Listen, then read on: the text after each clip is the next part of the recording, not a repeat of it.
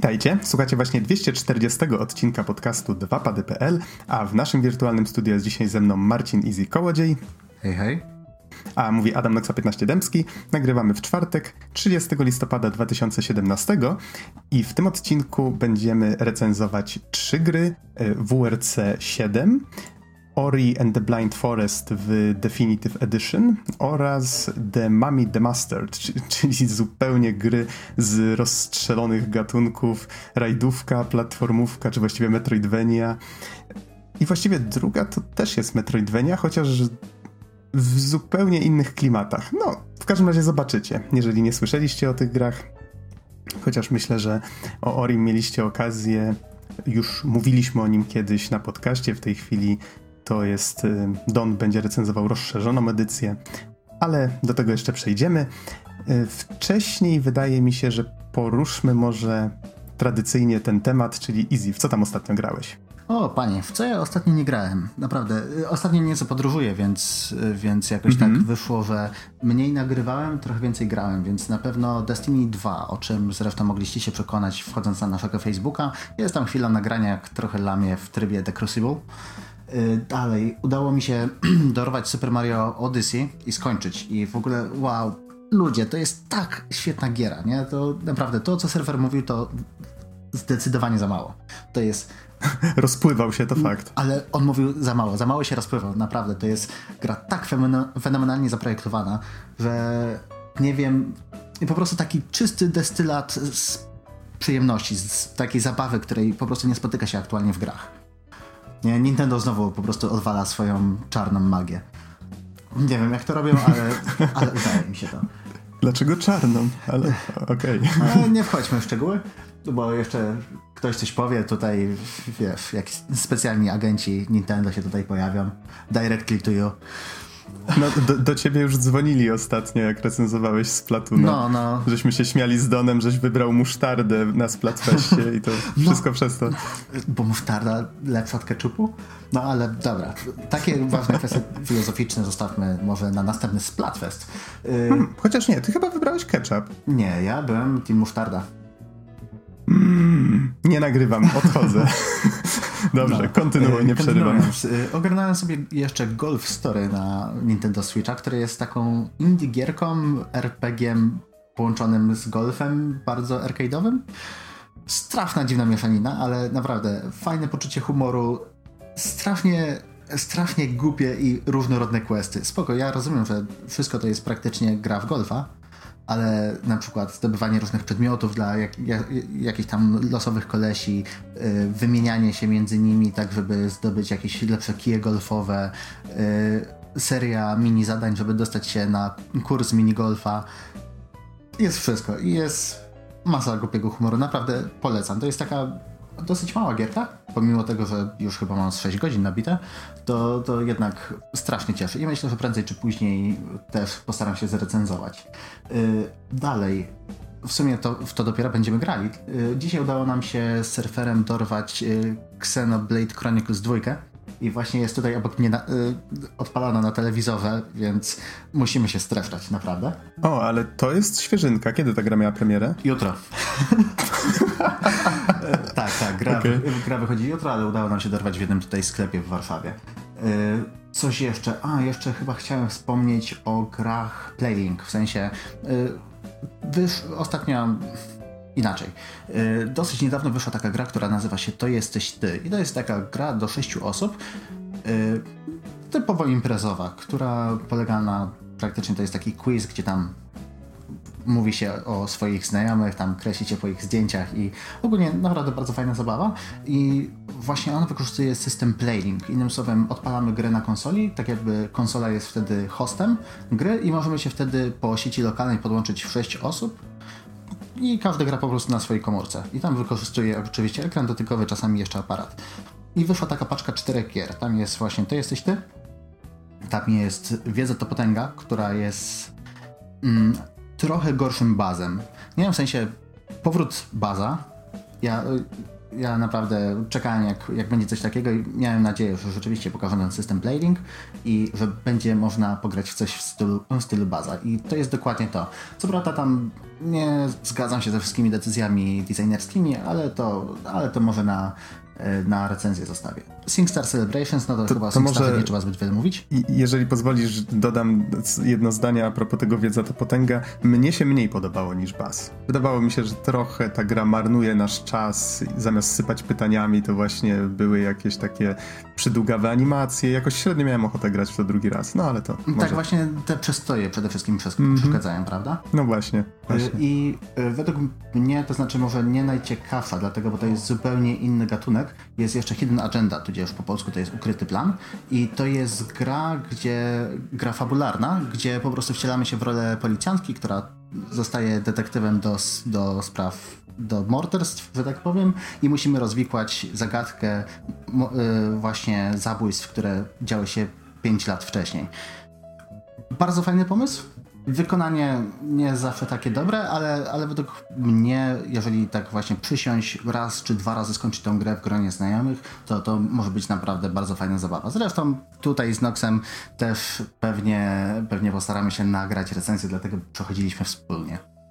Mhm, tak, zgadza się. Jeszcze mam nadzieję, że uda mi się przejść tę grę przynajmniej raz ze znajomymi tutaj w Łodzi i, i jakąś recenzję na pewno wtedy sklecimy, bo wydaje mi się, że to jest gra, którą powinno się skończyć więcej niż raz, żeby trochę po pierwsze lepiej poznać fabułę, a po drugie właśnie mieć lepszy obraz tego, jak ta gra potrafi się zmieniać. To jest taki trochę, trochę Heavy Rain, w sensie tak, takie naturalne porównanie. No i ewentualnie jeszcze y, Until Dawn to się nazywa, tak? Tak, tak, tak. To była tak, gra tych samych twórców. Supermassive mhm. Games.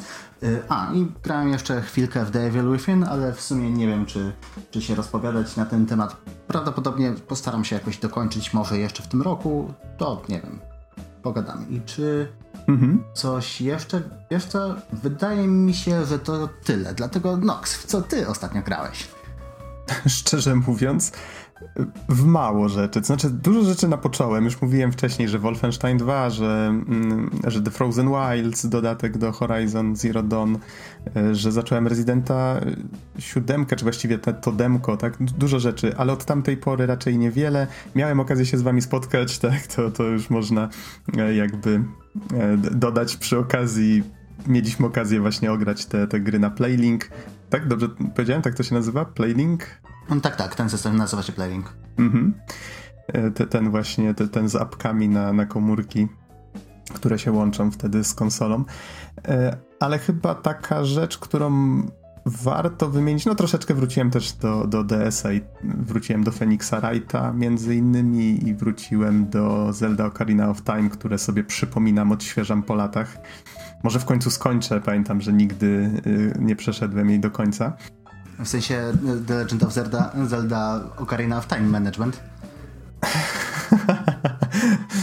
Okej, okay. nie, nie słyszałem tej wersji.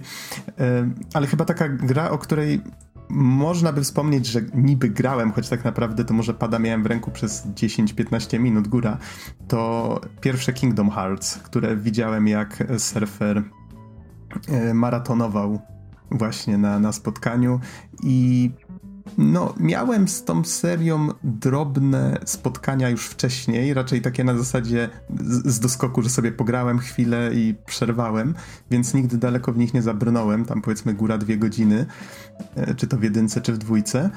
No i teraz miałem w końcu okazję zobaczyć zdecydowaną większość tego, jak jedynka wygląda, łącznie z zakończeniem tak troszeczkę mnie to ruszyło na zasadzie, że może w końcu powinienem ograć te gry, chociaż z drugiej strony trochę też wyczułem w nich takiego e, grindu, czy, czy właściwie takiej takiej pracy, którą trzeba wykonywać jako gracz, oprócz właśnie tych całych atrakcji dla fanów Disneya. Wiesz co, wydaje mi się, że po prostu mm -hmm. te gry się już trochę postarzały, nie? W sensie, może rzeczywiście Być może. wtedy to jeszcze nie był aż taki problem, szczególnie ja przechodziłem Kingdom Hearts 1, o dawno, dawno temu. Nie pamiętam, że to chyba była pierwsza w ogóle gra na Play 2, którą, którą samym kupiłem. Nie, i wtedy grało się rewelacyjnie, nie? Ale też pogra, pograłem chwilę w, w tego remastera i spoko, pewnie to jest świetny remaster, w sensie wszystkie podbite tekstury, wszystko pięknie, fajnie wygląda. I rzeczywiście ta, ta stylistyka działa na plus, w sensie nie zestarzała się ta gra aż tak bardzo. Ale, ale mechanicznie to, to taki koszmarek miejscami. tak, ale klimat trzeba przyznać, udało im się tego Disneya jednak oddać. On jest troszeczkę infantylny, nie da się ukryć, ale coś w sobie takiego Disneyowskiego jednak ma. No i oczywiście są tam też postacie z Final Fantasy. To jest właściwie taki crossover dla fanów jednego i drugiego świata, czy światów właściwie. I trzeba przyznać, że nawet jako tako to, to działa. Może jeszcze wrócimy do tematu. Myślę, że surfer też e, z chęcią trochę popowiada o serii, bo widzę, że też znają nie od dziś. E, zresztą trójka, nadal chyba nie znamy terminu premiery trójki, na pewno dowiemy się w przyszłym roku. Więc na pewno jestem... się dowiemy w przyszłym roku, że się znowu przesunął. no, jakkolwiek by nie było, to jestem pewien, że ten temat jeszcze na podcaście powróci. Okej, okay, ale Myślę, że nie ma co przedłużać. Przypomnijmy jeszcze tylko, że e, w, właściwie za tydzień będzie miał miejsce The Game Awards. To będzie 7 grudnia, w czwartek, z tego co widzę. E, I będzie też w weekend za tydzień miał miejsce PlayStation Experience. To będzie 9-10. Tak więc będzie troszkę show do oglądania w sieci prawdopodobnie. Będą być może jakieś zapowiedzi rzeczy, o których nie słyszeliśmy, bo z reguły tak, tak to się odbywa. No i cóż, może jeszcze warto wspomnieć, że na The Game Awards na stronie tego wydarzenia możecie głosować na gry, które zostały nominowane przez e, jury z, złożone z redaktorów przeróżnych serwisów z całego świata czy magazynów. Tak więc zachęcamy, żeby faktycznie tam zajrzeć. Może będziecie mieli wtedy wpływ na, na to, co zostanie wręczone. A tymczasem zapraszamy Was na trzy recenzje, o których już wspomniałem, czyli WRC 7, Ori and the Blind Forest Definitive Edition i The Mummy the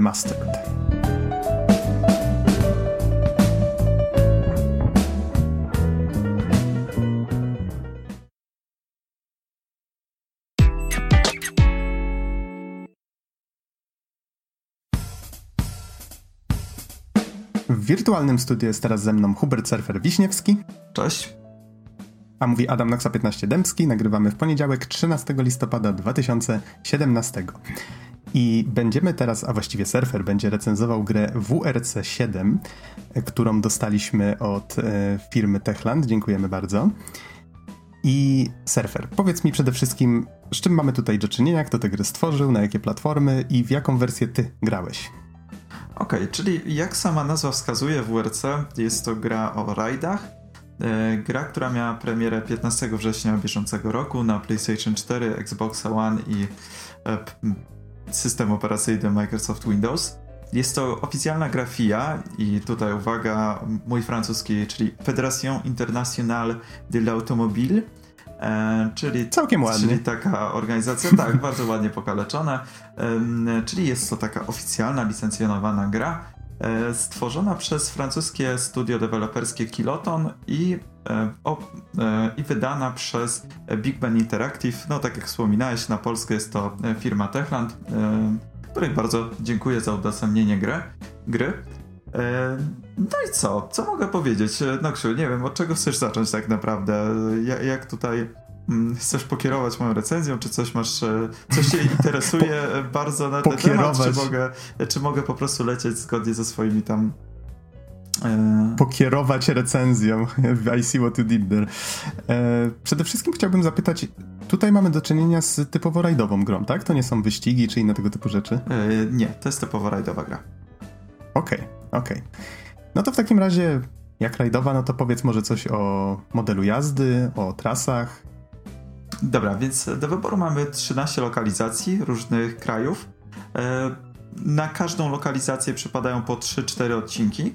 E, są bardzo różnorodne i ładnie wykonane. Swoją drogą jest też, są też odcinki z Polski, są też polskie teamy, e, więc możemy sobie przeżyć rajd Polski.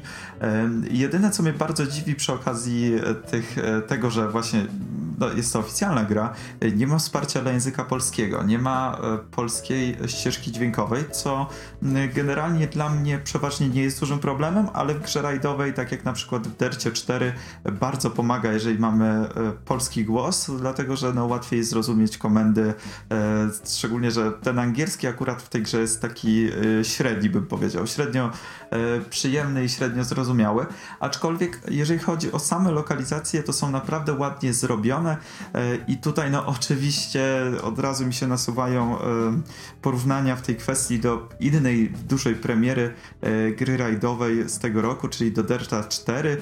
No i tutaj na tym polu WRC 7 zdecydowanie wygrywa. Tutaj przypomnę, że w Dercie 4 E, część tras była generowana e, jakoś proceduralnie i tak dalej, więc e, tam widać troszeczkę to, że pewne elementy tych tras się powtarzają. No tutaj mamy może dużo mniejszą, mniejsze możliwości, dużo mniej odcinków mm, na których możemy się poruszać, ale są one zdecydowanie lepiej zrobione, czyli mamy e, ładne budynki, ładne, bardzo różnorodną nawierzchnię i swoją drogą to jest ogromny plus tej gry. Bardzo dobre jest odczucie nawierzchni, e, bardzo różnorodnej, tego czy jest mokro, czy jest sucho, czy, e, czy gdzieś jest więcej jakiegoś żwiru, czy e, błota, w którym można się zakopać, więc no naprawdę, naprawdę jest to fajnie zrobione. E, no, niestety gra na Xboxie One nie wygląda zbyt ładnie. Nie mam tutaj żadnych twardych danych, w jakiej rozdzielczości ona działa, ale y, na pewno nie jest zbyt wysokiej. Gra jest bardzo rozmazana i dosyć nieprzyjemnie się na nią patrzy. Mam wrażenie, że jakiś efekt albo postprocesingu, albo źle E, nie wiem, zoptymalizowana jakaś ta gra pod, e, pod pewnymi względami do e, słabszej konsoli. No w porównaniu na przykład do takiej Forza Horizon 3, która też działa w 30 klatkach, wygląda dużo, dużo słabiej i aż męczy wzrok. Mam troszeczkę tutaj takie wrażenie, jakbym bardziej patrzył na ekran VR-u, który jest tak charakterystycznie nieprzyjemnie rozma rozmazany, niż na telewizor Full HD. do tego od razu może przejdę do największej wady tej gry. E, czyli skoro już jesteśmy przy prezentacji wizualnej, e, gra działa w 30 fps i to na wszystkich konsolach, czyli na PlayStation 4, PlayStation 4 Pro, Xboxie One. Z tego co wiem, ma być jakaś, jakaś forma łatki do Xboxa One X, być może wtedy też spaczują wersję na PS4 Pro aczkolwiek no, na razie gra działa tak jak działa, czyli w 30 fps, co dla mnie osobiście y, przy grze tak bardzo trudnej, y, hardkorowej jest no, niedopuszczalne, więc y, ta, ta, ta, ten aspekt wizualny jest troszeczkę mieszany, troszeczkę wzbudza we mnie mieszane uczucia. Przy czym pozwól, że się wtrącę. Wspominałeś, że w Forzie Horizon 3 też wszystko działa w 30 klatkach, tak? Czy to tam nie budziło podobnych zastrzeżeń? Wiesz co, troszeczkę inny profil gry. Forza Horizon 3 to jest gra jednak bardziej arcade'owa, z otwartym światem, gdzie powiedzmy, jeżeli wylecisz poza trasę, to co najwyżej przywalisz albo obeszesz o drzewo i nic się nie stanie, e, przez większość płotków możesz przejechać i tak dalej. No tutaj WRC 7 ma bardzo wymagający model jazdy, bardzo taki realistyczny. E, rajdy są bardzo ciężkie, wymagające, w zależności od warunków bardzo trudne, e, więc no troszeczkę inaczej to wygląda, wiesz, jeżeli chodzi o gry, które wymagają takiej naprawdę ogromnej precyzji, no to te 60 fps według mnie jest wymagane, no szczególnie, że tutaj te 30 e, fps jest za, zaimplementowane w taki dosyć słaby sposób, więc trochę się dziwię, że taką decyzję e, studio podjęło. Według mnie błędną, no ale być może nie mogli sobie pozwolić z jakiegoś e, powodów na nic więcej w tym przypadku. Mhm. A je, jeszcze jedna rzecz mi się tutaj narzuciła. Mówiłeś, że gra wypada lepiej od Derta 4, ale miałeś na myśli konkretnie lokacje, czy lepiej w jeszcze innych aspektach? Wiesz co, y, mówiłem tutaj oczywiście w kwestii y, lokalizacji tego, jak one są ładnie zrobione, jak różnorodne i tak dalej, dużo, dużo ładniejsze są po prostu, ale y, przy okazji, jeżeli chodzi o model jazdy, to jest, zależy w którym aspekcie, ale też miejscami jest lepiej. I na przykład, jeżeli chodzi o takie odczucie nawierzchni, jest dużo lepiej. To znaczy, e, właśnie ten żwir czy błoto różnego rodzaju e, bardzo mocno wpływa na samochód. Bardzo przyjemnie zresztą, więc e, swoją drogą na jednym takim odcinku rajdu Polski no jest taki zakręt praktycznie na samym początku, gdzie za każdym razem wypadam, bo wydaje się, że można jechać dużo szybciej, a tak naprawdę jest tam bardzo głęboko, bardzo łatwo się można zakopać samochodem, przez co e, kolokwialnie mówiąc samochód nie podaje i nie możemy wyprowadzić tego w dobry sposób i się wpada po prostu w takie pole, z którego ciężko się wygrzebać, ale jest to naprawdę fajne i realistyczne, więc pod pewnymi względami ten model jazdy jest naprawdę e, fajny. Z drugiej strony strony model wyskoków jest i pracy zawieszenia ogólnie jest chyba słabszy niż w Dercie. Y, i wsparcie dla kierownic jest dużo słabsze. To znaczy, samo odczucie samochodu w Dercie 4 jest lepsze, lepiej e, czuć samochód, to co się z nim dzieje. Na przykład, jeżeli mamy jakąś awarię, to na przykład czujemy, że nie wiem, mamy flaka na którymś e, kole, czy, e, czy coś zaczyna się dziać z silnikiem i tak dalej. To bardzo dobrze jest odczuwalne na kierownicy. Tutaj aż tak dobrego tego odczucia force feedbacku niestety nie ma. A właśnie, wspomniałeś o zniszczonej oponie i tak dalej. Y, jak jest z systemem zniszczeń? Bo myślę, że to nie, nie jest tak, że w każdej grze wyścigowej czy rajdowej jest to zawsze jakiś standard, że te samochody się niszczą realistycznie. Czasami jest to raczej po macoszemu potraktowane. Jak jest tutaj? Gran Turismo. nie chciałem tego mówić głośno, ale tak, tak, to się narzuca. Zgadza się. E, wiesz co, jest model zniszczeń. E, mam wrażenie, że troszeczkę mniej dopracowany niż niż e, w Dercie 4. Aczkolwiek e, jak najbardziej, jeżeli coś przewalisz, no to e, w tej części samochodu zaczynają się dziać złe rzeczy, więc możesz zniszczyć zawieszenie, możesz um, zniszczyć swoje ogumienie, zniszczyć silnik, albo kompletnie wylecieć z trasy, przewalić w drzewo i zakończyć swój rajd, więc oczywiście jak najbardziej tutaj ten model zniszczeń jest, no jest on potrzebny w tego typu grze, tak jak mówię, no tutaj e, to są ułamki sekund, bardzo precyzyjne zakręty, e, bardzo precyzyjna jazda, więc no, starają się iść w jak największy realizm. Nie jestem w stanie porównać do poprzednich części, nie miałem okazji ograć, ale z tego co widziałem w internecie, różne opinie czytałem, oglądałem recenzje, to jest to zdecydowany krok naprzód. E, no i to WRC 7 rzeczywiście pod wieloma względami może konkurować, a nawet przebija e, najlepsze gry tego typu, co jest bardzo fajne i e, bardzo fajnie, że właśnie ten model jazdy jest taki naprawdę dopracowany. W samej grze oczywiście masz też tryb online, czyli możesz sobie porównywać swoje wyniki z innymi graczami, masz tryb kariery, który jest dosyć taki standardowy. Tutaj za wiele nie ma co się nad tym rozwodzić, po prostu mamy e, różne serie odcinków, różne e, klasy samochodów, więc zaczynamy od najsłabszych, później pniemy się coraz bardziej w górę, więc taki dosyć typowy, ale spełniający swoją rolę właśnie miejscami wprowadzenia do tego, jeżeli ktoś nie jest za dobrze obeznany z tego typu modelem jazdy, czy, czy właśnie taki fajny progres nadaje całej grze. Mhm. No dobrze, to o czym jeszcze żeśmy nie rozmawiali? E, wspomniałeś o modelu jazdy, wspomniałeś o zniszczeniach, wspomniałeś o lokacjach. Tak zastanawiam się tylko, jak ta Polska wypada czy faktycznie, jakby ktoś ci nie powiedział, że to jest Polska, to rozpoznałbyś nasze rejony?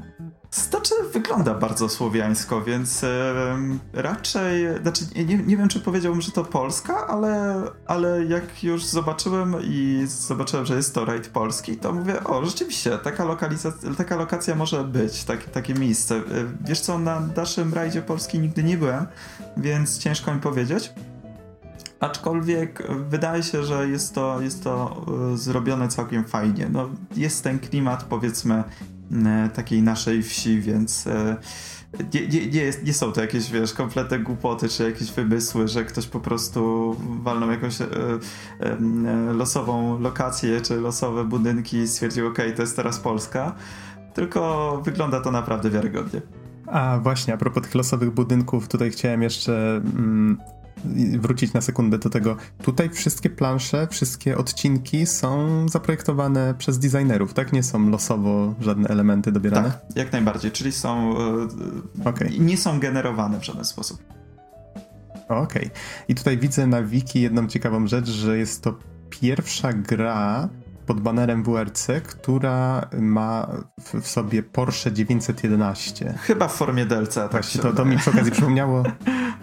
Aha, to to mi przypomniało, żeby o samochody zapytać, czyli czy jest coś, o czym warto wspomnieć takiego rajdowego. Wiesz co, nic co jako, jakoś by mi się rzuciło w oczy. Y, generalnie wybór tych samochodów jest naprawdę dobry. Niestety y, nigdzie nie znalazłem konkretnej liczby tych samochodów. Y, szukałem teraz przed recenzją, nie znalazłem, sam nie liczyłem, ale nie wydaje mi się, żeby czegoś brakowało. Masz oczywiście przekrój wielu różnych grup i typów z wielu, wielu, wielu lat, więc jak najbardziej tutaj też jest w porządku. Niestety, no nie odpowiem, czy jest ich więcej e, w WRC, czy w e, Dercie. No, jako że jest to gra oficjalna na licencji FIA, masz e, dostęp do najnowszych samochodów, których niestety czasami w innych grach e, brakuje, no, ze względu właśnie na te e, kwestie licencyjne. Tutaj masz dostęp do wszystkich najnowszych samochodów i tak dalej, więc to jest naprawdę fajne, to uczucie, że masz z jednej strony wszystkie odcinki, które są realistycznie jakoś tam oddane, masz wszystkie samochody, które biorą udział w tych rajdach. E, no i e, z drugiej strony troszeczkę przy tym wszystkim boli właśnie ten e, brak polskich dialogów, tak jak mówiłem, brak tego polskiego instruktora, który będzie nam mówił, gdzie mamy jechać i tak dalej, to troszeczkę powoduje, że masz takie no pominęli Polskę trochę, trochę w taki nieprzyjemny sposób, ale, ale generalnie jest to taki cały pełen pakiet, e, e, naprawdę dobrze zrobiona gra, tak jak Dirt 4 względem Dirta Rally jest fajnym przeskokiem i bardziej Dirt Rally był taką pokazówką możliwości silnika i tego, co Codemasters potrafi zrobić, a Dirt 4 było pełno, pełnoprawną grą z trybem kariery, z różnymi trybami online i tak dalej, i tak dalej, e, z większą ilością samochodów. Tak tutaj jest tak samo, to WRC 7 jest po prostu taką e, naprawdę dobrą, pełnoprawną grą.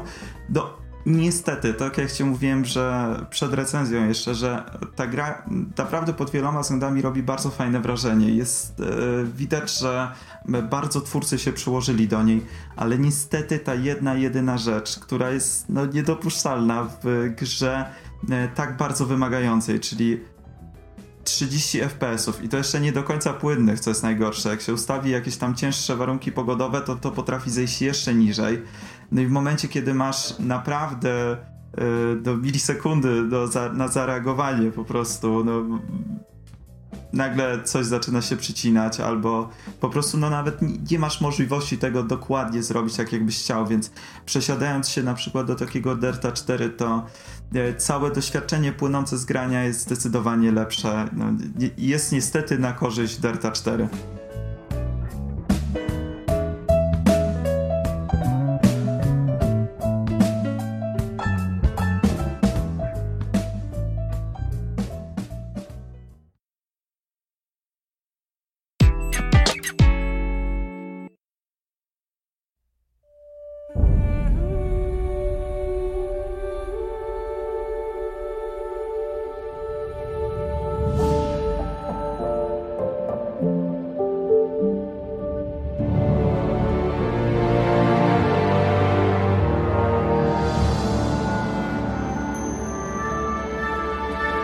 W wirtualnym studiu jest teraz ze mną Bartłomiej Donsot-Tomycyk.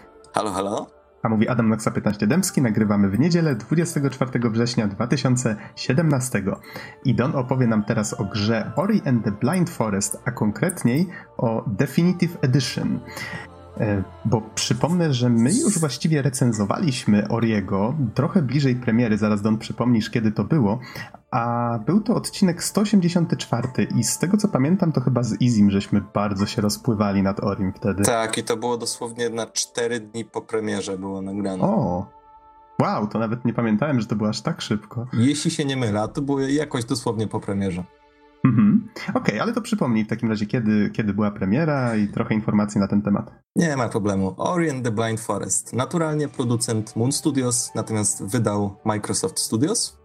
Yy, premiera tej jakby oryginalnej e, wersji nastąpiła 11 marca 2015 roku, natomiast tak jak stwierdziłeś, przedmiotem recenzji tej jest Definitive Edition, czyli wzbogacona wersja gry o choćby nowe obszary. E, I ta wzbogacona wersja pojawiła się 27 kwietnia 2016 roku. Na wstępie warto powiedzieć, że gra to tak zwana Metroidvania, utrzymana w dwóch wymiarach, z ręcznie, zresztą bardzo pięknie rysowaną grafiką i całość utrzymana jest w tonie, najlepiej go określić jako baśniowy. I tak do mojego przypomnienia, Metroidvania to w najprostszym ujmowaniu gra, która ma otwarty świat, w który rządzi się prostą zasadą. Wraz ze zdobywaniem przez postać bohatera kolejnych umiejętności możliwy jest dostęp do wcześniej zamkniętych części świata, czyli na przykład bohater nauczy się pływać i okaz okazuje się, że nieprzekraczalne wcześniej jezioro jednak przekraczalne jest.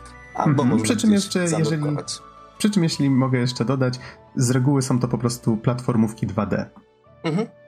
Bo na przykład y, pod to, co powiedziałeś, Zelda też by się podpięła. I jeżeli mogę, jeszcze dodam, że gra, ten Definitive Edition na Xboxie One ukazał się trochę wcześniej. To było 11 marca 2016, a dopiero na PC 27 kwietnia. Mhm, dokładnie. Jeszcze krótka notka przed y, samą recenzją. Grę ukończyłem już dłuższy czas temu, więc niektóre szczegóły mogły mi umknąć. Y, natomiast postaram się, żeby wszystko sobie pięknie przypomnieć i Wam opowiedzieć. Dobrze, więc e, zacznę od rzeczy chyba najbardziej, e, najbardziej stosownej. Poparłem się trochę z Steamem i Steam twierdzi, że Orient the Blind Forest to jest opowieść o osieroconym chłopcu, którego przeznaczeniem są heroiczne czyny. I brzmi to jak najbardziej banalnie. Oczywiście jak na baśń przystało i bardzo dobrze. Wszyscy dobrze wiemy, że nawet z takimi najprostszymi motywami, jakimiś takimi najprostszymi zarysowaniami fabuły można zrobić naprawdę niesamowite rzeczy. Myślę, że wiele gier, w tym e, niezależnych, e, wcześniej to udowodniło. Natomiast samą tę baśń opowiada nam bóstwo leśne, a przynajmniej ktoś w tym rodzaju, które mieszka w pięknym drzewie na środku wielkiego lasu, który z kolei nazywa się Krainą Nibel. Natomiast chłopcem jest e, Ori, tytułowy, czyli mały świetlisty zwierzaczek łamany przez lisek. Um, co się dzieje? Podczas jednej z burz Ori został w cudzysłowie zerwany z drzewa i w formie listka poszybował przez las. Odnalazła go Naru, czyli inna e, mieszkanka lasu, istota z lasu, przygarnęła, no i naturalnie wychowała. To jest ta bardzo charakterystyczna postać. Widzimy ją chociażby na okładce samej gry. No i musicie przyznać, że już, już po samej okładce i po tym designie widać, jak, jak pięknie, baśniowo to wszystko wygląda. E, no, naprawdę bardzo ładnie zostało to zrealizowane. jak, niestety... sam, jak sam zanotowałeś, sielanka. Dokładnie, dokładnie. Niestety ta sielanka bardzo szybko się kończy i cytując The forest was blinded. A objawiło się to tak, że, e, e, że las zaczął obumierać, wręcz umierać. Wszystko zaczęło powoli ginąć. I chociaż to, co się dzieje w prologu, uznaliśmy z Noxem, że lepiej, lepiej raczej, żeby odkryć samodzielnie, więc nie będę zdradzał e, dokładnie, co się w tym dzieje. Dzieje się w tym prologu, natomiast dzieją się rzeczy nieprzyjemne, mówiąc krótko. Jak później się dowiadujemy, ma z, tym, z tym całymi jakimiś nieprzyjemnościami ma dużo wspólnego Kuro, wielka sowa. I przy okazji warto dodać, że jest to bardzo dobra kreacja, bo Kuro to wielki, potężny, czarny, rozszalały z wściekłości ptak nocny. Nawet zresztą to, jak on wygląda, że jest taki cały jakby niemal, niemal całkowicie czarny. Te pióra ma tak by chaotycznie wystające, no i białe, świecące oczyska. Kipi nienawiścią, e, kipi wściekłością. E, można powiedzieć, że jest to główny e, czarny bohater. I, I naprawdę kreacja jego jest bardzo fajna. Więc mamy to przed, przeciwstawienie, można powiedzieć, mały Ori i potężny Kuro. Zwłaszcza, Natomiast... że Ori jest przecież takim świecącym wręcz stworkiem. Mhm. Chociaż moim zdaniem akurat to przeciwstawienie nie jest najważniejsze e, w tej grze. W momencie, kiedy przechodzimy do tej w cudzysłowie właściwej przygody, e, las, tak jak powiedziałem, jest w opłakanym stanie, tak? Jest bardzo ciemny, na wpół obumarły, no i też bardzo niebezpieczny, wypełniony jakimiś takimi istotami, które nie mają dobrych zamiarów. Ori staje więc przed bardzo trudnym zadaniem. E, musi przywrócić światło trzech żywiołów, które zapewniały całej krainie balans. I to jest woda, wiatr i ciepło, czyli właściwie ogień. Pomaga mu Zain, czyli można powiedzieć taka drobinka światła, która podąża za Orim. I muszę powiedzieć, że to jest jakby skrót e, fabularny Oriego. Muszę powiedzieć, że e, fabuła wzbudza we mnie mieszane odczucia. Dlatego, że to jest, to jest generalnie historia, która się opiera na takich bardzo prostych motywach baśniowych, ale moim zdaniem to jest, tak jak powiedziałem wcześniej, to jest zaleta, bo z takimi prostymi rzeczami można naprawdę wiele wspaniałych rzeczy zrobić. I tak samo w Orim są elementy wręcz genialne, ale też takie, które są dosyć słabe i, i budzą moje uzasadnione, myślę, e, wątpliwości. Pierwszą z nich to sam prolog, o którym oczywiście nie powiem więcej, natomiast wskażę na pewne rzeczy.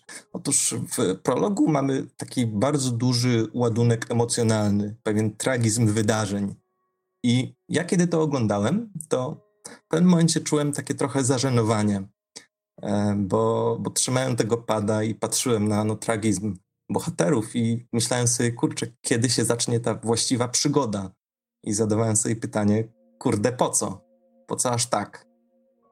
Um, I to pytanie, zwłaszcza po co, e, pojawi się zwłaszcza tuż po rozpoczęciu właściwej gry, dlatego że dalsze wydarzenia fabularne po prostu do pewnego stopnia negują sens e, niektórych tragicznych elementów prologu. I jest to trochę dziwne podejście, bo, bo wydaje mi się, że niektóre decyzje fabularne zostały podjęte czysto arbitralnie i tylko po to, żeby powiedzmy jakaś postać się pojawiła później i odegrała rolę w bardzo ważnej scenie. I, i tutaj niestety ja rozumiem te wszystkie emocje, które w grze są wywoływane.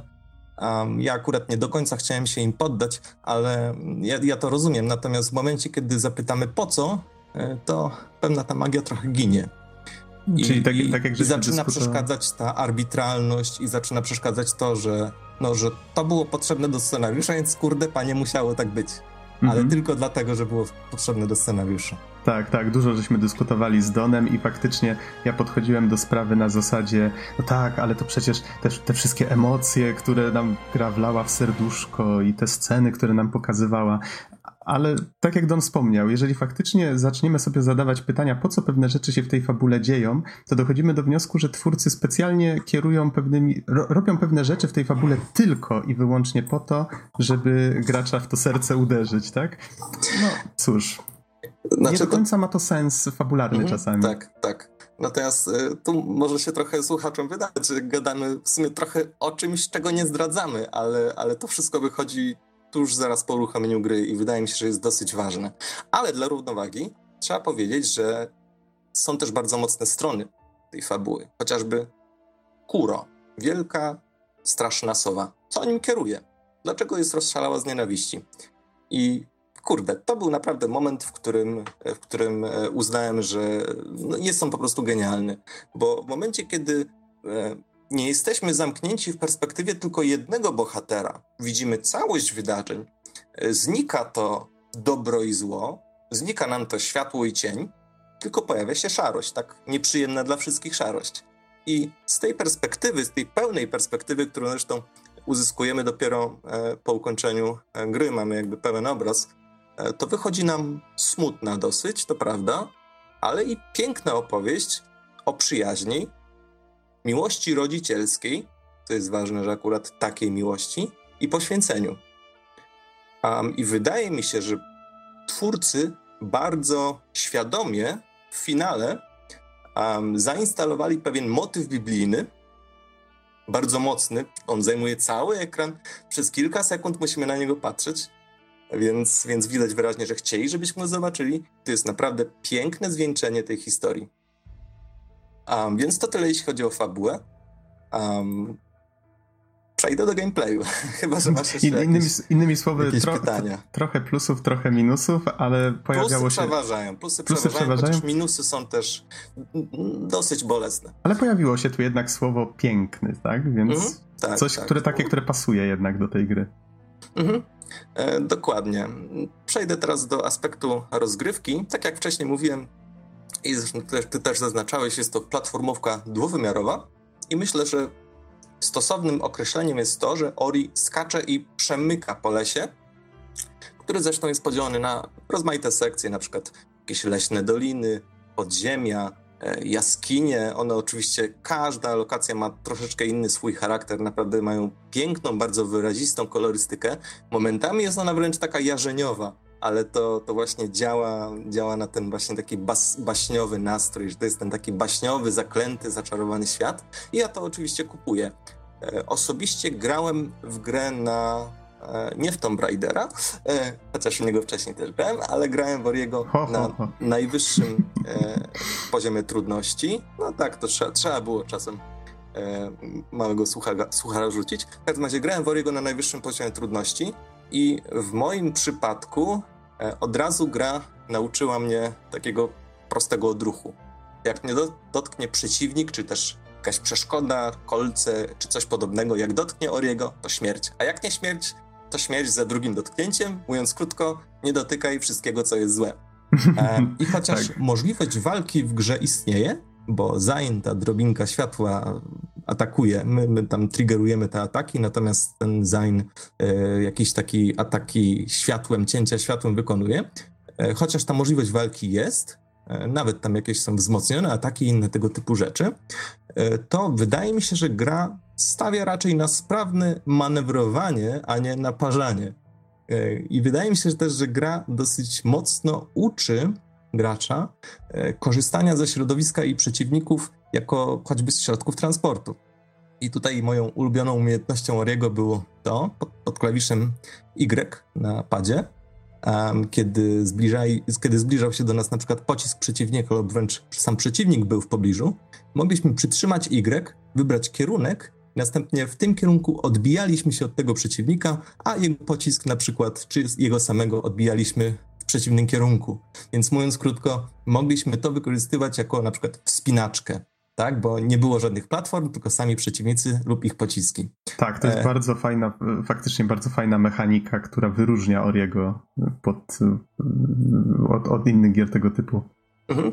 No i naturalnie z czasem wyzwania i etapy robią się coraz trudniejsze, tak jak to wspinanie się przy użyciu przeciwników, ale także występuje wiele innych bardzo ciekawych pomysłów, na przykład grawitacja, która zmienia kierunek. Kiedy dojdziemy do krawędzi platformy, to nagle grawitacja działa w lewo, a nie w dół e, i tak dalej, i tak dalej. Albo inny, też dosyć fajny, czyli na przykład otoczenie zabija, bo jest e, rozgrzane, ale nie kiedy Ori niesie przedmiot ochronny. I wtedy wtedy Oriemu się nic nie dzieje, ale potem musimy oczywiście z tym przedmiotem jakoś manipulować, żeby, żeby go nie stracić i żeby bohaterowi nie stała się krzywda. Więc tutaj naprawdę czuć taką bardzo dużą pasję do platformówek u twórców e, i to jest bardzo, bardzo dobre. Czuć, czuć pasję i talent.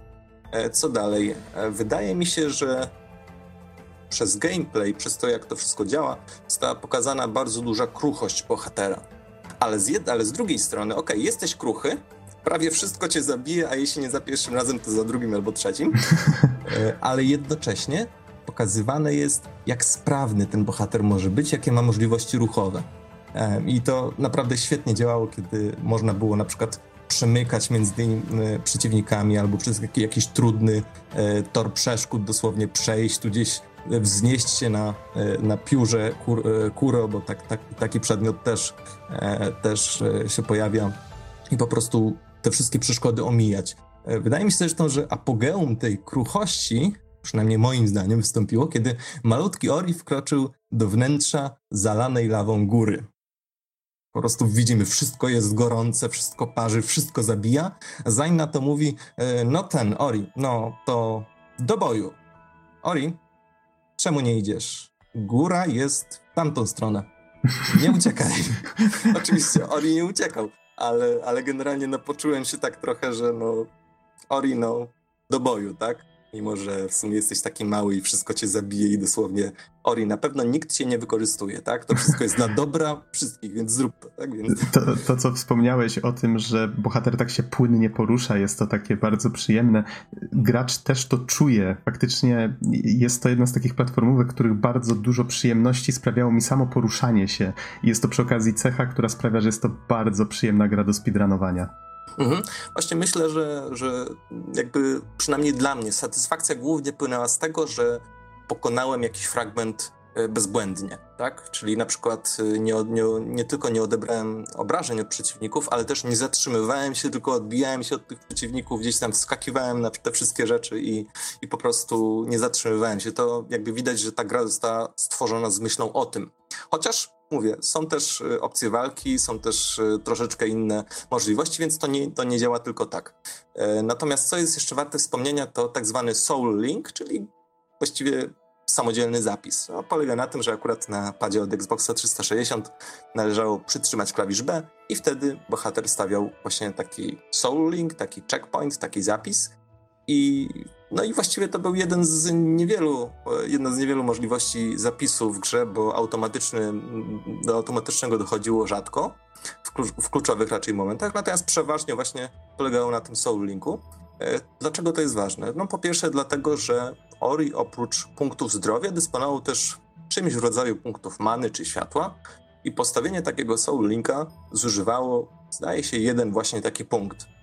W związku z tym już trzeba było sobie trochę przemyśleć, czy w danym miejscu chcę postawić ten punkt, czy też pójść troszeczkę dalej i ten punkt postawić trochę dalej. E, to też rodziło pewien inny problem, w moim przypadku przynajmniej. Lepiej nie, nie zużyj tego przez przypadek. I zdarzało mi się, że zużywałem to przez przypadek.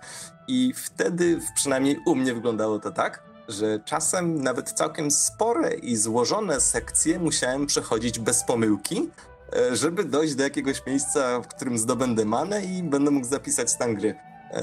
Ale mimo wszystko, mimo wszystko E, mimo wszystko grało się naprawdę fajnie. To, to, jest jedna z takich cech, przepraszam, że ci wejdę w słowo, e, która sprawia, że faktycznie Ori jest taki troszkę oldschoolowy i jak już mówiłeś o tym, że gra cię na początku uczyła, że nie powinieneś czegoś tam dotykać, to myślałem, że zaraz powiesz, że cię uczyła właśnie tego, że musisz sam zapisywać, bo to jest jedna z rzeczy, na której sam się złapałem, czyli że przyzwyczajony do tego, że wiele współczesnych gier zapisuje grę za mnie, idę przed siebie, hopsa hopsa i nagle bum, ginę i mnie cofa na początek. Co?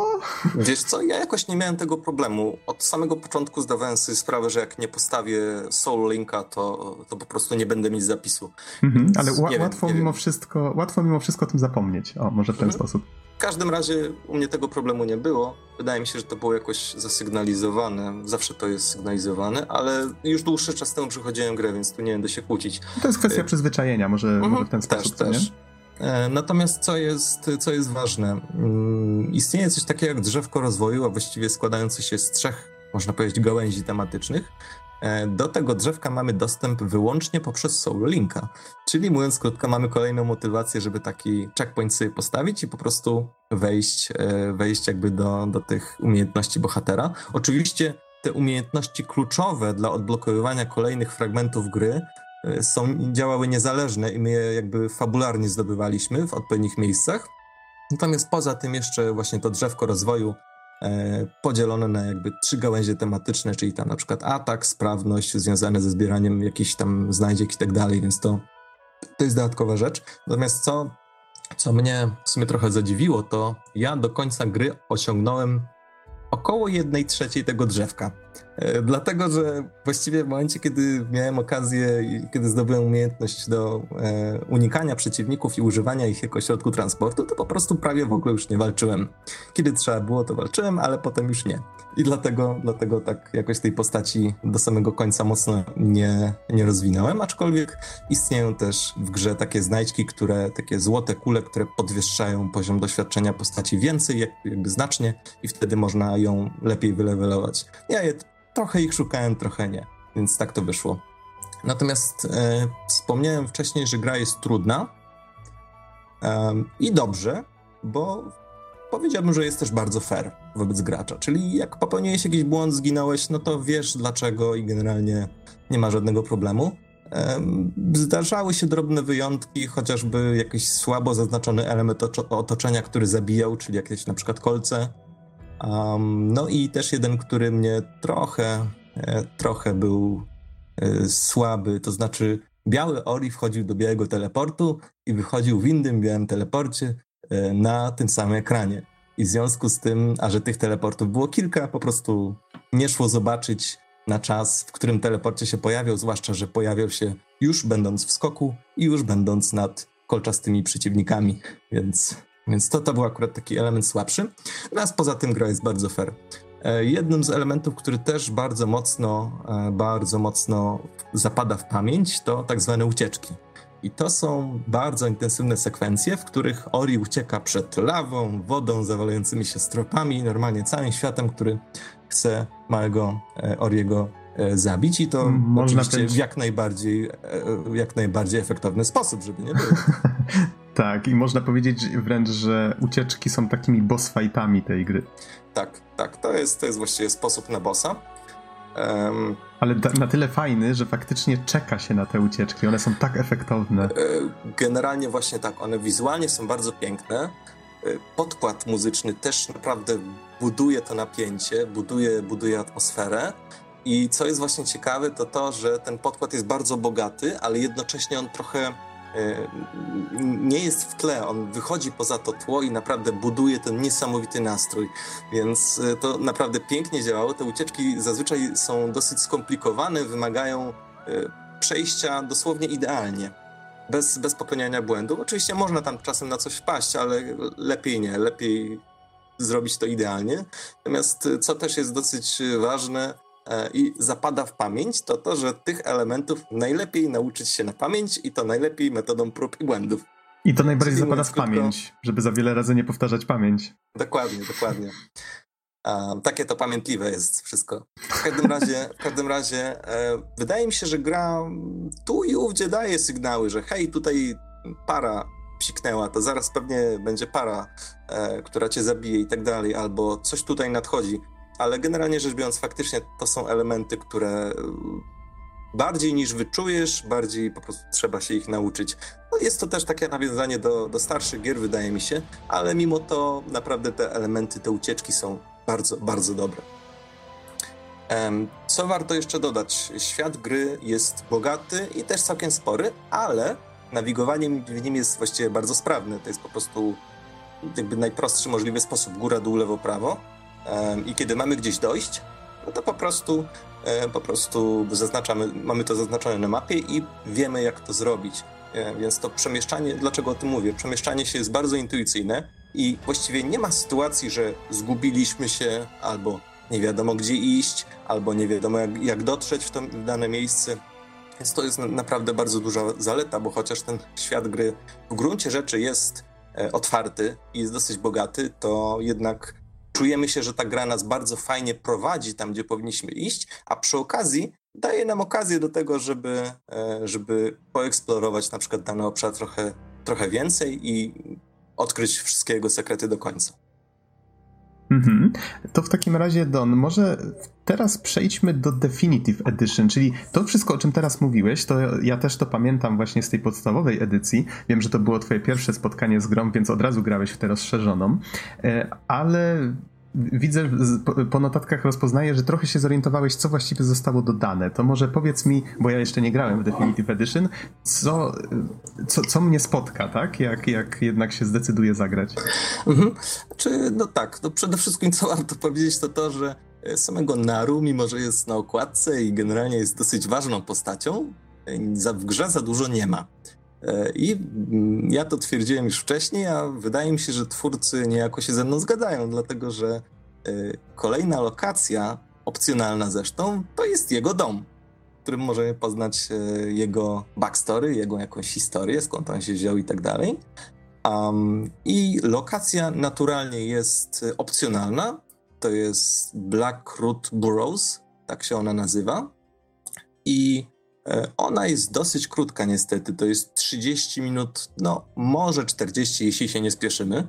W obrębie tej lokacji, czy właściwie ona jest podzielona na takie pomniejsze lokacje, e, mamy dwie nowe zdolności i oczywiście wszystkie wyzwania, jakieś tam elementy ruchome, czy, czy jakieś tam inne mechanizmy zabijające Oriego są właśnie w jakiś sposób dostosowane do tych zdolności i na przykład e, taką zdolnością jest dash, Um, używamy jej, z tego co pamiętam, za pomocą bumperów. I ona umożliwia Oriemu um, natychmiastowy sposób pokonać jakiś taki krótki obszar, czyli mówiąc krótko, przyspieszyć.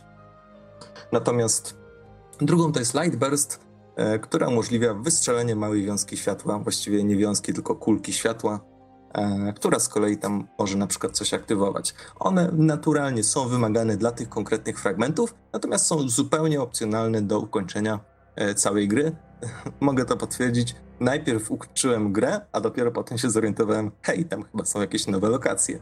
Muszę się wrócić i zobaczyć, co tam właściwie jest. Um, I tak to wygląda. Mówiłem jeszcze, wcześniej... jeszcze, jeszcze taka jedna rzecz. Powiedz mi, czy próbowałeś e, robić 100% w grze? Zdobyć wszystkie przedmioty, zajrzeć we wszystkie miejsca? Czy... Akurat nie. Chociaż mhm. wydaje mi się, że gra do tego zachęca i zachęca przyjaźnie, ale po prostu, po prostu akurat, mhm. bo, bo jest to coś, nie robiłem. Jest to coś, co akurat w tym gatunku jest dość powszechne, w sensie, że jak już kończysz grę, to wracasz do niej, żeby faktycznie poszukać tych pomieszczeń, które pominąłeś.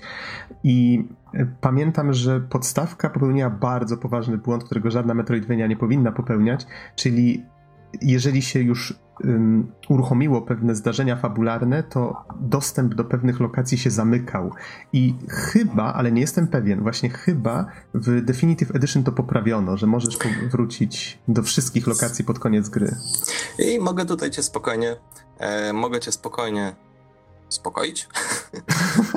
Okej, okay, czuję się uspokojony. Tego typu rzeczy zostały naprawione. Po pierwsze, backtracking jest naprawiony, można wrócić do lokacji, które wcześniej były zamknięte. Um, druga rzecz, która jest też dosyć ważna. Po ukończeniu gry pamiętam, że w swojej recenzji zwróciłeś uwagę na to, że ok, ukończyłem grę, ale nie mogę do niej wrócić, bo jakby zapis gry już jest zablokowany. W tym Było momencie. Coś takiego? Już nie pamiętam nawet. Tak, tak, mówiłeś o tym w swojej recenzji, natomiast wow. nie, ja nie mam takiej pojęcia, po prostu ją przesłuchałem dzisiaj. Spokojnie. um, okay. Więc w moim przypadku, a raczej w Definitive Edition, po ukończeniu gry po prostu w tym zapisie były widoczne też zapisy trochę wcześniejsze, czyli na przykład ja tam byłem bardzo, zapisałem grę bardzo blisko końca na 80% i naturalnie e, te, te, do tej zapiski mogę jeszcze wrócić, a nawet do jeszcze kilku wcześniejszych w ramach, e, że tak powiem, kopii zapasowych, więc to jest naprawdę bardzo przyjemna rzecz. E, kolejna rzecz to taka, że ja korzystałem z pada od Xboxa 360 i nie sprawiał on absolutnie żadnych problemów wszystko śmigało tak, jak e, śmigać powinno, a z tego, co mówiłeś tuż po premierze, to pewne problemy były nie tylko z padami od PS3, ale i niektórzy narzekali na właśnie ten oryginalny, wspierany kontroler też. Na szczęście wydaje się, że w Definitive Edition tych problemów już nie ma. Um, jeszcze tylko chciałbym powiedzieć jedną bardzo ważną rzecz. E, mówiłem wcześniej o baśniowym charakterze całej gry.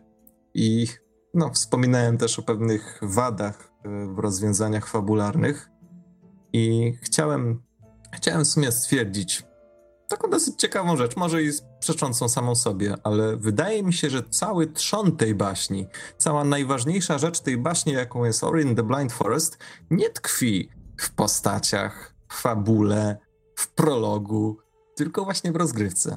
Moim zdaniem to sama podróż bohatera przez ten naprawdę pięknie namalowany, zaklęty świat, to jest właściwa przygoda i to tutaj są prawdziwe emocje. Prawdziwe emocje były, kiedy, e, kiedy przechodziłem, właśnie wchodziłem do tego wnętrza, e, wnętrza zalanej lawą góry. Prawdziwe emocje były podczas ucieczek, a nie podczas tragicznych wydarzeń, czy tragizowanych wydarzeń prologu. Więc moim zdaniem ta baśniowość gry właśnie tkwi tym, co najważniejsze, czyli w rozgrywce. Um, mogę jeszcze dodać, że gra zajęła mi kilka godzin. Z innych rzeczy, już końcowo, muzyka i oprawa. No myślę, że temat był już wcześniej e, przeze mnie poruszony. Oprawa naprawdę bardzo ślicznie wygląda. Wszystkie lokacje są w jakiś sposób wyjątkowe i naprawdę pięknie namalowane. E, muzyka tak samo potrafi zbudować przecudny nastrój, e, tak samo i elementy wokalne, jak i instrumentalne, no naprawdę zapadają w pamięć i zresztą chyba są nawet całkiem nieźle słuchalne na YouTubie, całkiem osobno od gry. Więc jeśli nie masz jeszcze żadnych pytań, przejdę już do podsumowania. Wydaje mi się, że, że możesz przechodzić do podsumowania. Potwierdzę tylko, że faktycznie soundtrack jest bardzo piękny, warto go sobie odsłuchać. I powiedz, Zon, bo domyślam się, że nie jesteś osobą, która jest raczej mocno związana z Metroidvaniami. Tak? raczej się, czy... nie, raczej mhm. nie, chociaż akurat w moim przypadku ja się nie zamykam na nic i, no. Um, i dlatego chociażby spróbowałem Oriego i na pewno spróbuję inne gry tego typu, bo po prostu to jest, to jest coś, co warto, warto, z czym się warto zapoznać, choćby ze względów mm -hmm. poznawczych, już pomijając fakt, że te gry są naprawdę dobre. No tak, tak. Chodzi Więc... mi po prostu o to, że jakby twoje spojrzenie jest troszeczkę inne niż moje, bo faktycznie ja patrzę na to przez pryzmat wielu innych gier z tego gatunku, które znam. Więc powiedz już tak podsumowując też, komu byś polecił tak ze swojego punktu widzenia tę grę? Czy, no właśnie to jest rzecz trochę problematyczna, bo z jednej strony, tak jak powiedziałem, gra y, pięknie nam pokazuje, y, bardzo fajnie jest zwiedzać ten świat, bardzo fajnie się z nim poruszać bardzo intuicyjnie, ale z drugiej strony, um, z drugiej strony jest to raczej dosyć trudna gra. Ja grałem akurat na najwyższym poziomie trudności, ale przełączyłem sobie chwilę, na chwilę na easy i to tam jakichś większych zmian nie było. Generalnie raczej to jest gra nastawiona na to, żeby, żeby dobrze omijać te przeszkody i dobrze manipulować, czasem nawet po dosyć złożonych sekwencjach czy poziomach. I chociaż, kurczę, jest to bardzo fajna gra, bardzo ładna, to wydaje mi się, że prawdopodobnie nie jest dla każdego ale, ale niemniej myślę, że, że warto stać się tą osobą, dla której jest ta gra i warto spróbować, e, bo jest naprawdę dobra. Bardzo mnie ujął ten baśniowy klimat, ale tak jak powiedziałem, bardziej niż ustawiona e, czy też zaprojektowana przez twórców fabuła, bardziej ujęła mnie sama rozgrywka, w której, tak jak powiedziałem, tak naprawdę tkwią te prawdziwe emocje i ta prawdziwa baśń. Natomiast y, nie deprecjonując jednak y, zamysłu fabula, fabuły czy historii, też ten, ta fabuła, kurde, naprawdę potrafi być piękna i piękne wartości przekazywać, mimo pewnych takich y, potknięć czy, czy e, złych decyzji. Więc mówiąc krótko, Orient the Blind Forest Definitive Edition to definitywnie gra, którą, z którą warto się zapoznać, zwłaszcza, że chyba 2018, a przynajmniej na E3 tegorocznym została zapowiedziana gra Ori and the Will of the Wisps. No i warto sobie jedynkę nadrobić, żeby po prostu być już przygotowanym na kolejną premierę.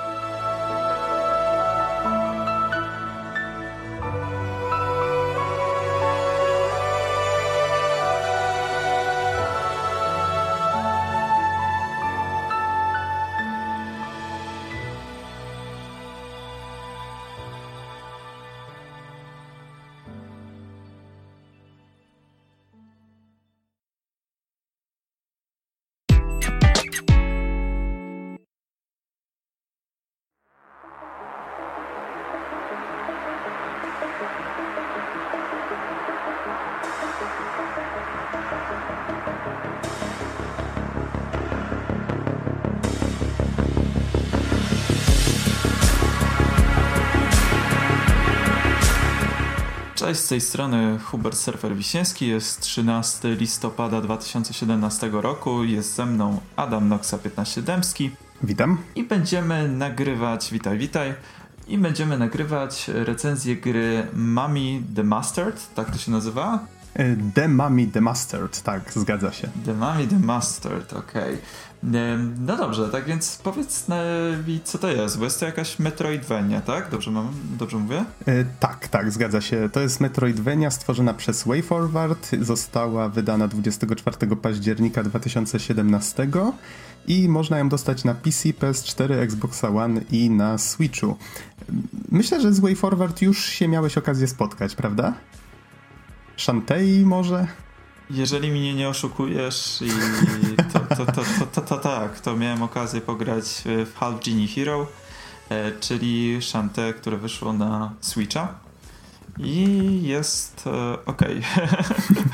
No, gra ma swoje problemy. Miałem nadzieję, że ją zrecenzujemy może któregoś razu na podcaście, ale ja ją przeszedłem Chyba już na początku tego roku, nie pamiętam dokładnie kiedy miała premierę. Ale okej, okay, odłóżmy może Shantae na razie, bo WayForward jest znane z tego, że robi dużo platformówek.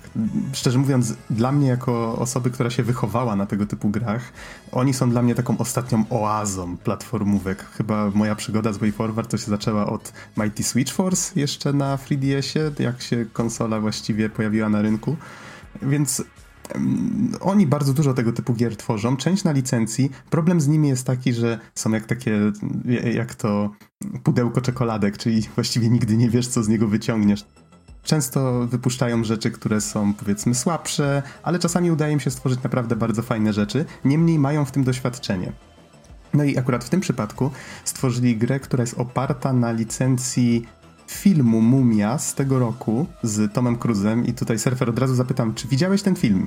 Nie, nie widziałem, ale recenzje raczej, re, recenzje nie zachęcały do obejrzenia, więc odpuściłem.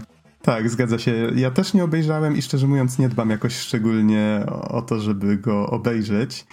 A no, ta gra troszeczkę... Ale czy, czy jest ci wiadomo, czy tam są jakieś nawiązania w tej grze bezpośrednie do filmu? Czy jest to oparte o fabułę filmu, czy, czy zupełnie oderwane od, mhm. powiedzmy, tylko ten sam świat?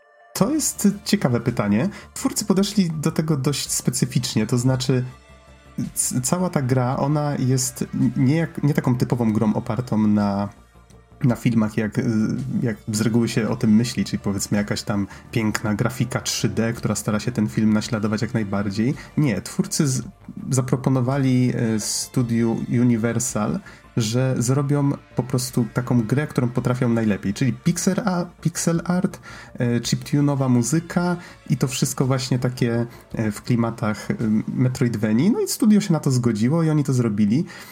I ten świat, on jest inspirowany tym filmem, ale może nie, nie, trzeba znać tego filmu, bo nawet nie ma e, tego samego bohatera w tej grze, ale myślę, że do tego jeszcze przejdziemy.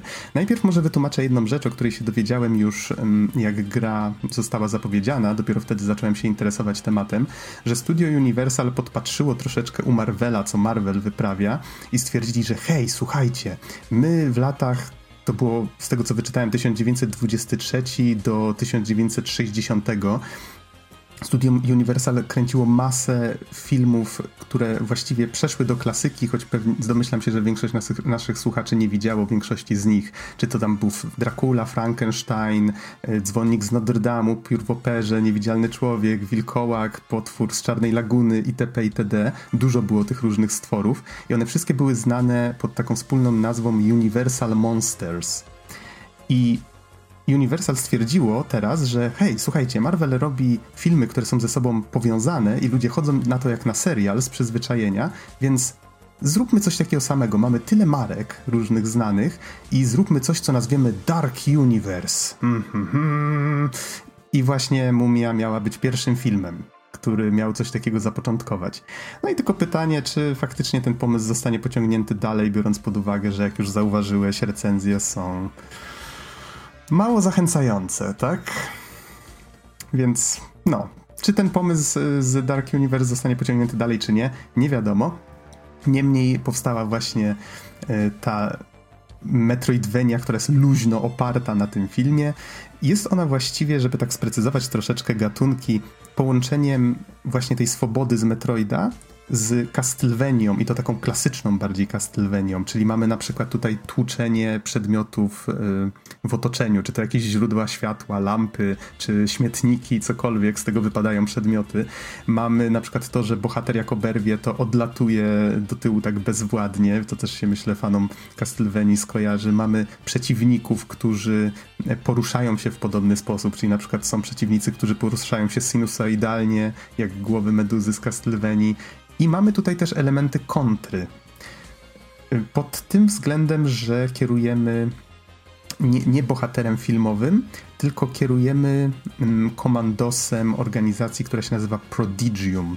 Y, jest to organizacja, która pojawia się w filmie. Ona się specjalizuje w zwalczaniu różnych nadnaturalnych zagrożeń dla ludzkości. O, może, może tak najlepiej byłoby to ująć.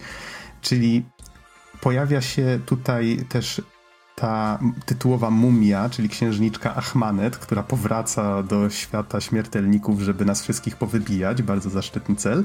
No i Prodigium reaguje, żeby ją powstrzymać.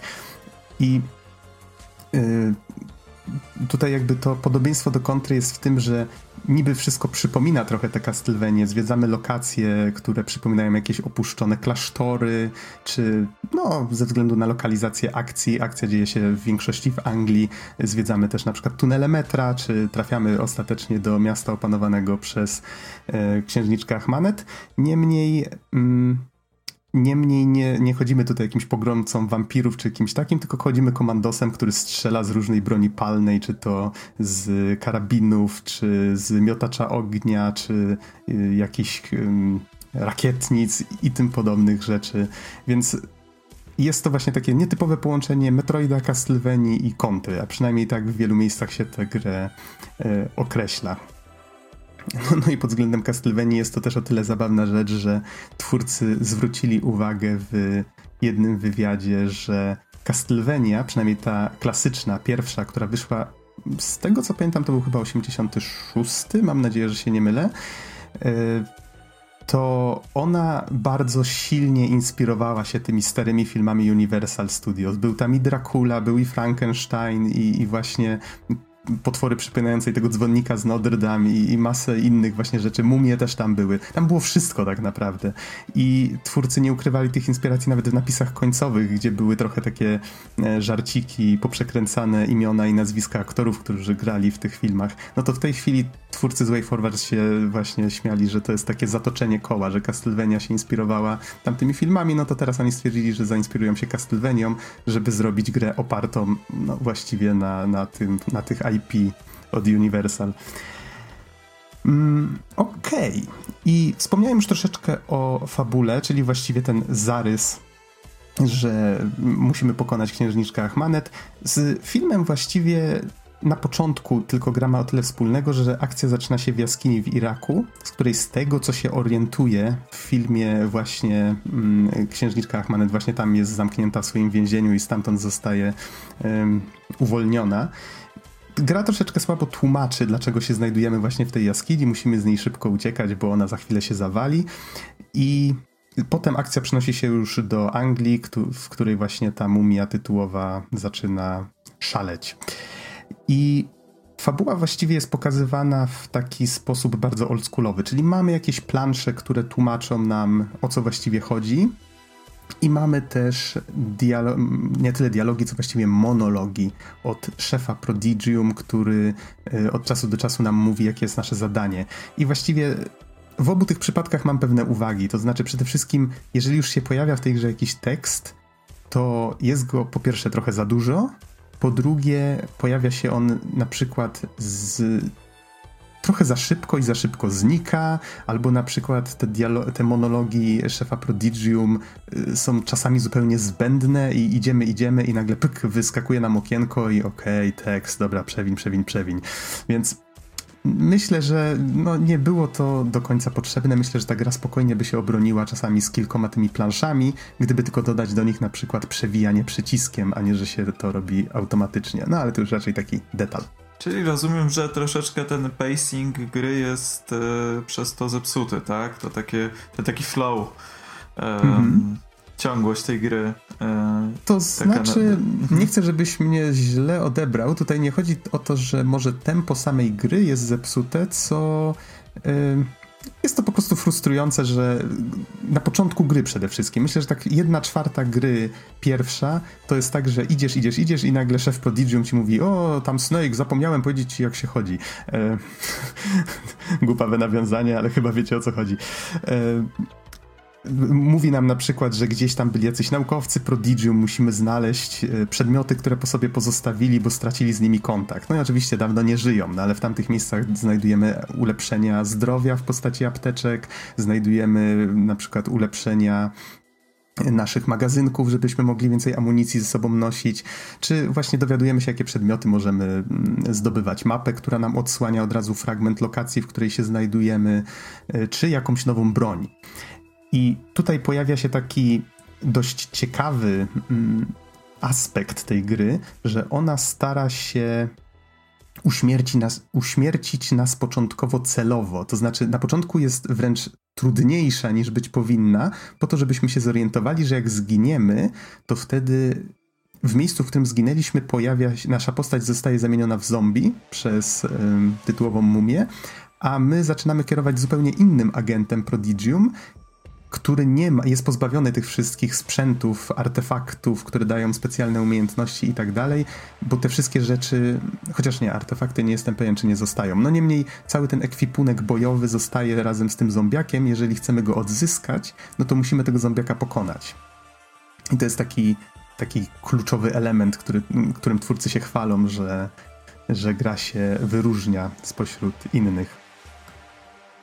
I trzeba przyznać, że design wspiera trochę ten pomysł. On zresztą. WayForward stworzyło kiedyś podobną grę. Ona się nazywała Aliens Infestation i była, z tego co pamiętam, na DS-a. Kiedyś ją recenzowałem na podcaście. Tam było coś takiego, że kierowaliśmy skończoną liczbą Marines na statku opanowanym przez obcych. Jeżeli któryś z nich został pokonany, no to był porywany wtedy przez obcych i gdzieś tam na statku był przyklejony do ściany i mieliśmy ograniczoną liczbę czasu, żeby go uratować. Bardzo fajny pomysł, fajnie się w Aliensów mm, wkomponowujący. No i tutaj jakby twórcy sami określają, że The Mummy The Mustard jest takim trochę duchowym następcą Aliens Infestation. I faktycznie ten design wspiera to w taki sposób, że na przykład zdrowia nie da się odnowić w inny sposób niż pokonując przeciwników i zbierając z nich znajdźki, albo zdobywając te ulepszenia do zdrowia, które powiększają nam jednocześnie maksymalną jego ilość. Zdrowia nie odnawia nam na przykład zapisywanie, jak to w Metroidzie zazwyczaj bywa. Za to można odnowić sobie amunicję, więc wciąż gra daje nam taki. Nie, nie stara się być chamska w tym swoim poziomie trudności. Stara się nam dać taki, e, takie uczciwe wyzwanie, żebyśmy mogli improwizując i grając ostrożnie, faktycznie przejść ją bez ginięcia. I muszę przyznać, że udało mi się to, czyli nie robiąc jakoś tego bardzo, znaczy na zasadzie nie oszukując w żaden sposób, że tam powiedzmy już zaraz zginę, więc wyłączę grę czy coś takiego. Po prostu starałem się grać na tyle ostrożnie, żeby zginąć jak najpóźniej. I udało mi się ją w całości przejść, nie ginąc ani razu. I, i, i nim pomyślicie, że się chwalę czy coś, od razu y, powiem, że w wielu recenzjach, które czytałem, fani tego gatunku też mieli takie sytuacje, czyli faktycznie jeżeli graliście już w niejedną taką grę, możecie sobie to potraktować jako takie ciekawe wyzwanie, tak, żeby przejść ją starając się zginąć jak najmniej razy. E, przy czym muszę nadmienić, że gra nie jest wcale taka prosta, jak się może wydawać z tego opisu. Ona faktycznie jest trudna. Faktycznie jest trudna, tylko nie jest chamska.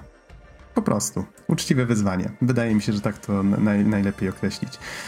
E, z, z takich troszeczkę może innych rzeczy, to na przykład ekwipunek. Tutaj wspomniałem, że mamy różne bronie. Możemy nosić przy sobie e, dwie bronie jednocześnie specjalne, które znajdziemy, czy to właśnie shotguny, czy jakieś inne specjalne karabiny. Później dostajemy bardzo potężne pukawki, które e, bardzo ułatwiają grę, więc pod koniec czujemy się jak taki badass, który może lecieć przez siebie, przed siebie i strzelać.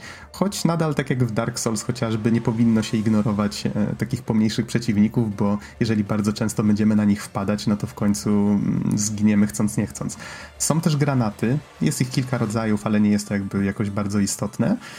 E, I te relikty, o których też mówiłem, one w jakiś tam sposób dodają nam nowych umiejętności, żeby może nie mówić za dużo, zresztą nie jest ich e, zbyt wiele w grze, to bodajże pierwszy pozwala nam chwytać się sufitów i, i, właśnie podróżować w ten sposób, żeby się do jakichś miejsc wcześniej niedostępnych dostać. Czyli tak jak to z reguły w Metroidvaniach bywa. Hmm, może troszeczkę powiem teraz o lokacjach. Właściwie o lokacjach to mówiłem. Nie ma tutaj co zbyt dużo wymieniać, ponieważ gra nie jest zbyt długa. Jej pierwsze skończenie zajęło mi bodajże 5 godzin. I właściwie niedługo potem, chcąc pokazać po prostu kolegom, jak się w nią gra, przeszedłem ją drugi raz od razu przy nich. Zajęło mi to bodajże 3 godziny, więc jest ona bardzo króciutka. Tych lokacji nie jest wcale dużo.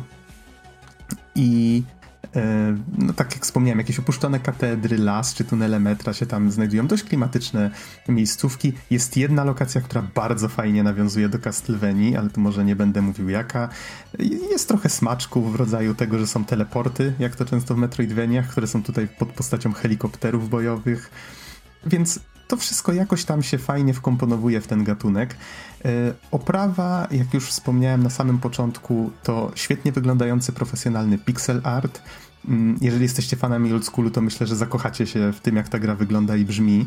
Za OST odpowiada, już patrzę, żeby się nie pomylić, Gavin Monomer Allen. I jest to coś w rodzaju połączenia chiptune'u z synthwave'em. Bardzo fajnie mu to wyszło, wpada w ucho zdecydowanie. I właściwie, hmm, co tu jeszcze przed podsumowaniem mógłbym wspomnieć? Może jakieś wady, bo niestety, ale wiele osób skarży się na to, że gra nie działa zawsze płynnie. I ja grałem wersję na PS4 Pro i faktycznie pod koniec gry zacząłem czuć, że gdzie nie gdzie gra mocno gubi klatki, a mamy tutaj do czynienia z dwuwymiarową platformówką, prawda? To wow, PlayStation Pro, wow, dlaczego to się tnie? Wydawało mi się, że problem nie jest aż tak duży, chociaż gdy potem przechodziłem grę ponownie i starałem się używać powiedzmy najpotężniejszych broni, lecieć jak najszybciej przed siebie, więc na ekranie pojawiało się dużo wybuchów przeciwników, innych tego typu rzeczy, gra wtedy wyraźnie zwalnia. Więc pojawiają się takie problemy. Ten silnik, na którym jakiś własna jakaś własna technologia WayForward, na której stworzyli tę grę, ona widać, że nie jest do końca idealna i niestety y, z tego, co czytałem w jakichś innych recenzjach z innych platform, ten problem pojawia się też na przykład na Switchu. Nie wiem, czy jest poważniejszy, czy mniej poważny. Być może na przykład wersja PC już nie ma tego problemu. Ciężko powiedzieć, aż tak dokładnie tematu nie zbadałem, ale jeżeli planujecie grę, grę kupić na jakąś konkretną platformę, może lepiej poczytać, czy, czy ludzie faktycznie nie mieli e, podobnych problemów. Powiedz mi, Noksiu, jaka mm -hmm. jest cena gry w dniu, w którym ty zakup, zakup robiłeś? O rany, rany. Wiesz co, nie pamiętam, ale chyba zapłaciłem za nią około 80 zł, czyli to było ile? Ze 20 dolarów? Tak, może nie całe, nie chcę tutaj skłamać, ale to było coś koło tego.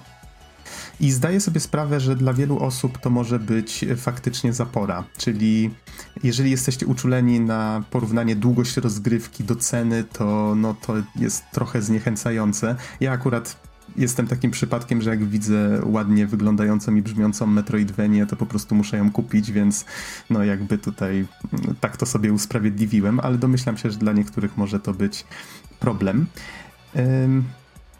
Niemniej, jeżeli jest to taka raczej miła rzecz dla fanów gatunku, więc dobrze, solidnie zrobiona, nie jest to nic rewolucyjnego, ma klimat i zapewnia jednak te kilka godzin rozrywki, więc jeżeli tylko faktycznie będziecie mieli okazję w nią zagrać, albo podoba wam się i będziecie chcieli ją kupić, dajcie jej szansę.